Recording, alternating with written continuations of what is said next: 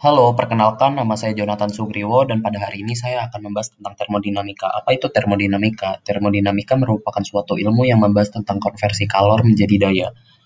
Secara umum, termodinamika memiliki tiga hukum, yaitu hukum pertama yang membahas tentang kuantitas energi yang berubah, hukum kedua yang membahas tentang kualitas dan arah energi yang berubah, dan hukum ke-0 yang membahas tentang jika ada dua sistem, dua sistem ini dapat dinyatakan setimbang secara termal saat temperatur kedua sistem itu sama dengan temperatur satu sistem lagi yang menjadi sistem acuan.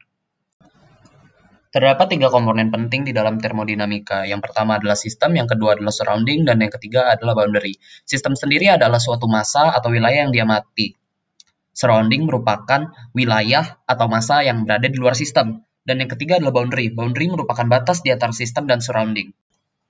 Sistem dapat dibagi menjadi tiga, yaitu yang pertama sistem terbuka. Sistem terbuka di mana massa dan energi bisa keluar masuk.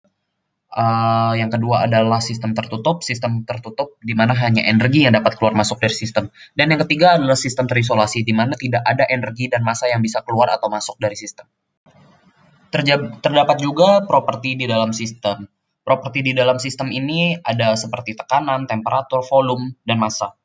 Properti sistem ini dapat dibagi menjadi dua secara general, yaitu yang pertama intensif yaitu dia bergantung dengan massa, atau yang kedua, itu ekstensif, dia tidak bergantung dengan massa.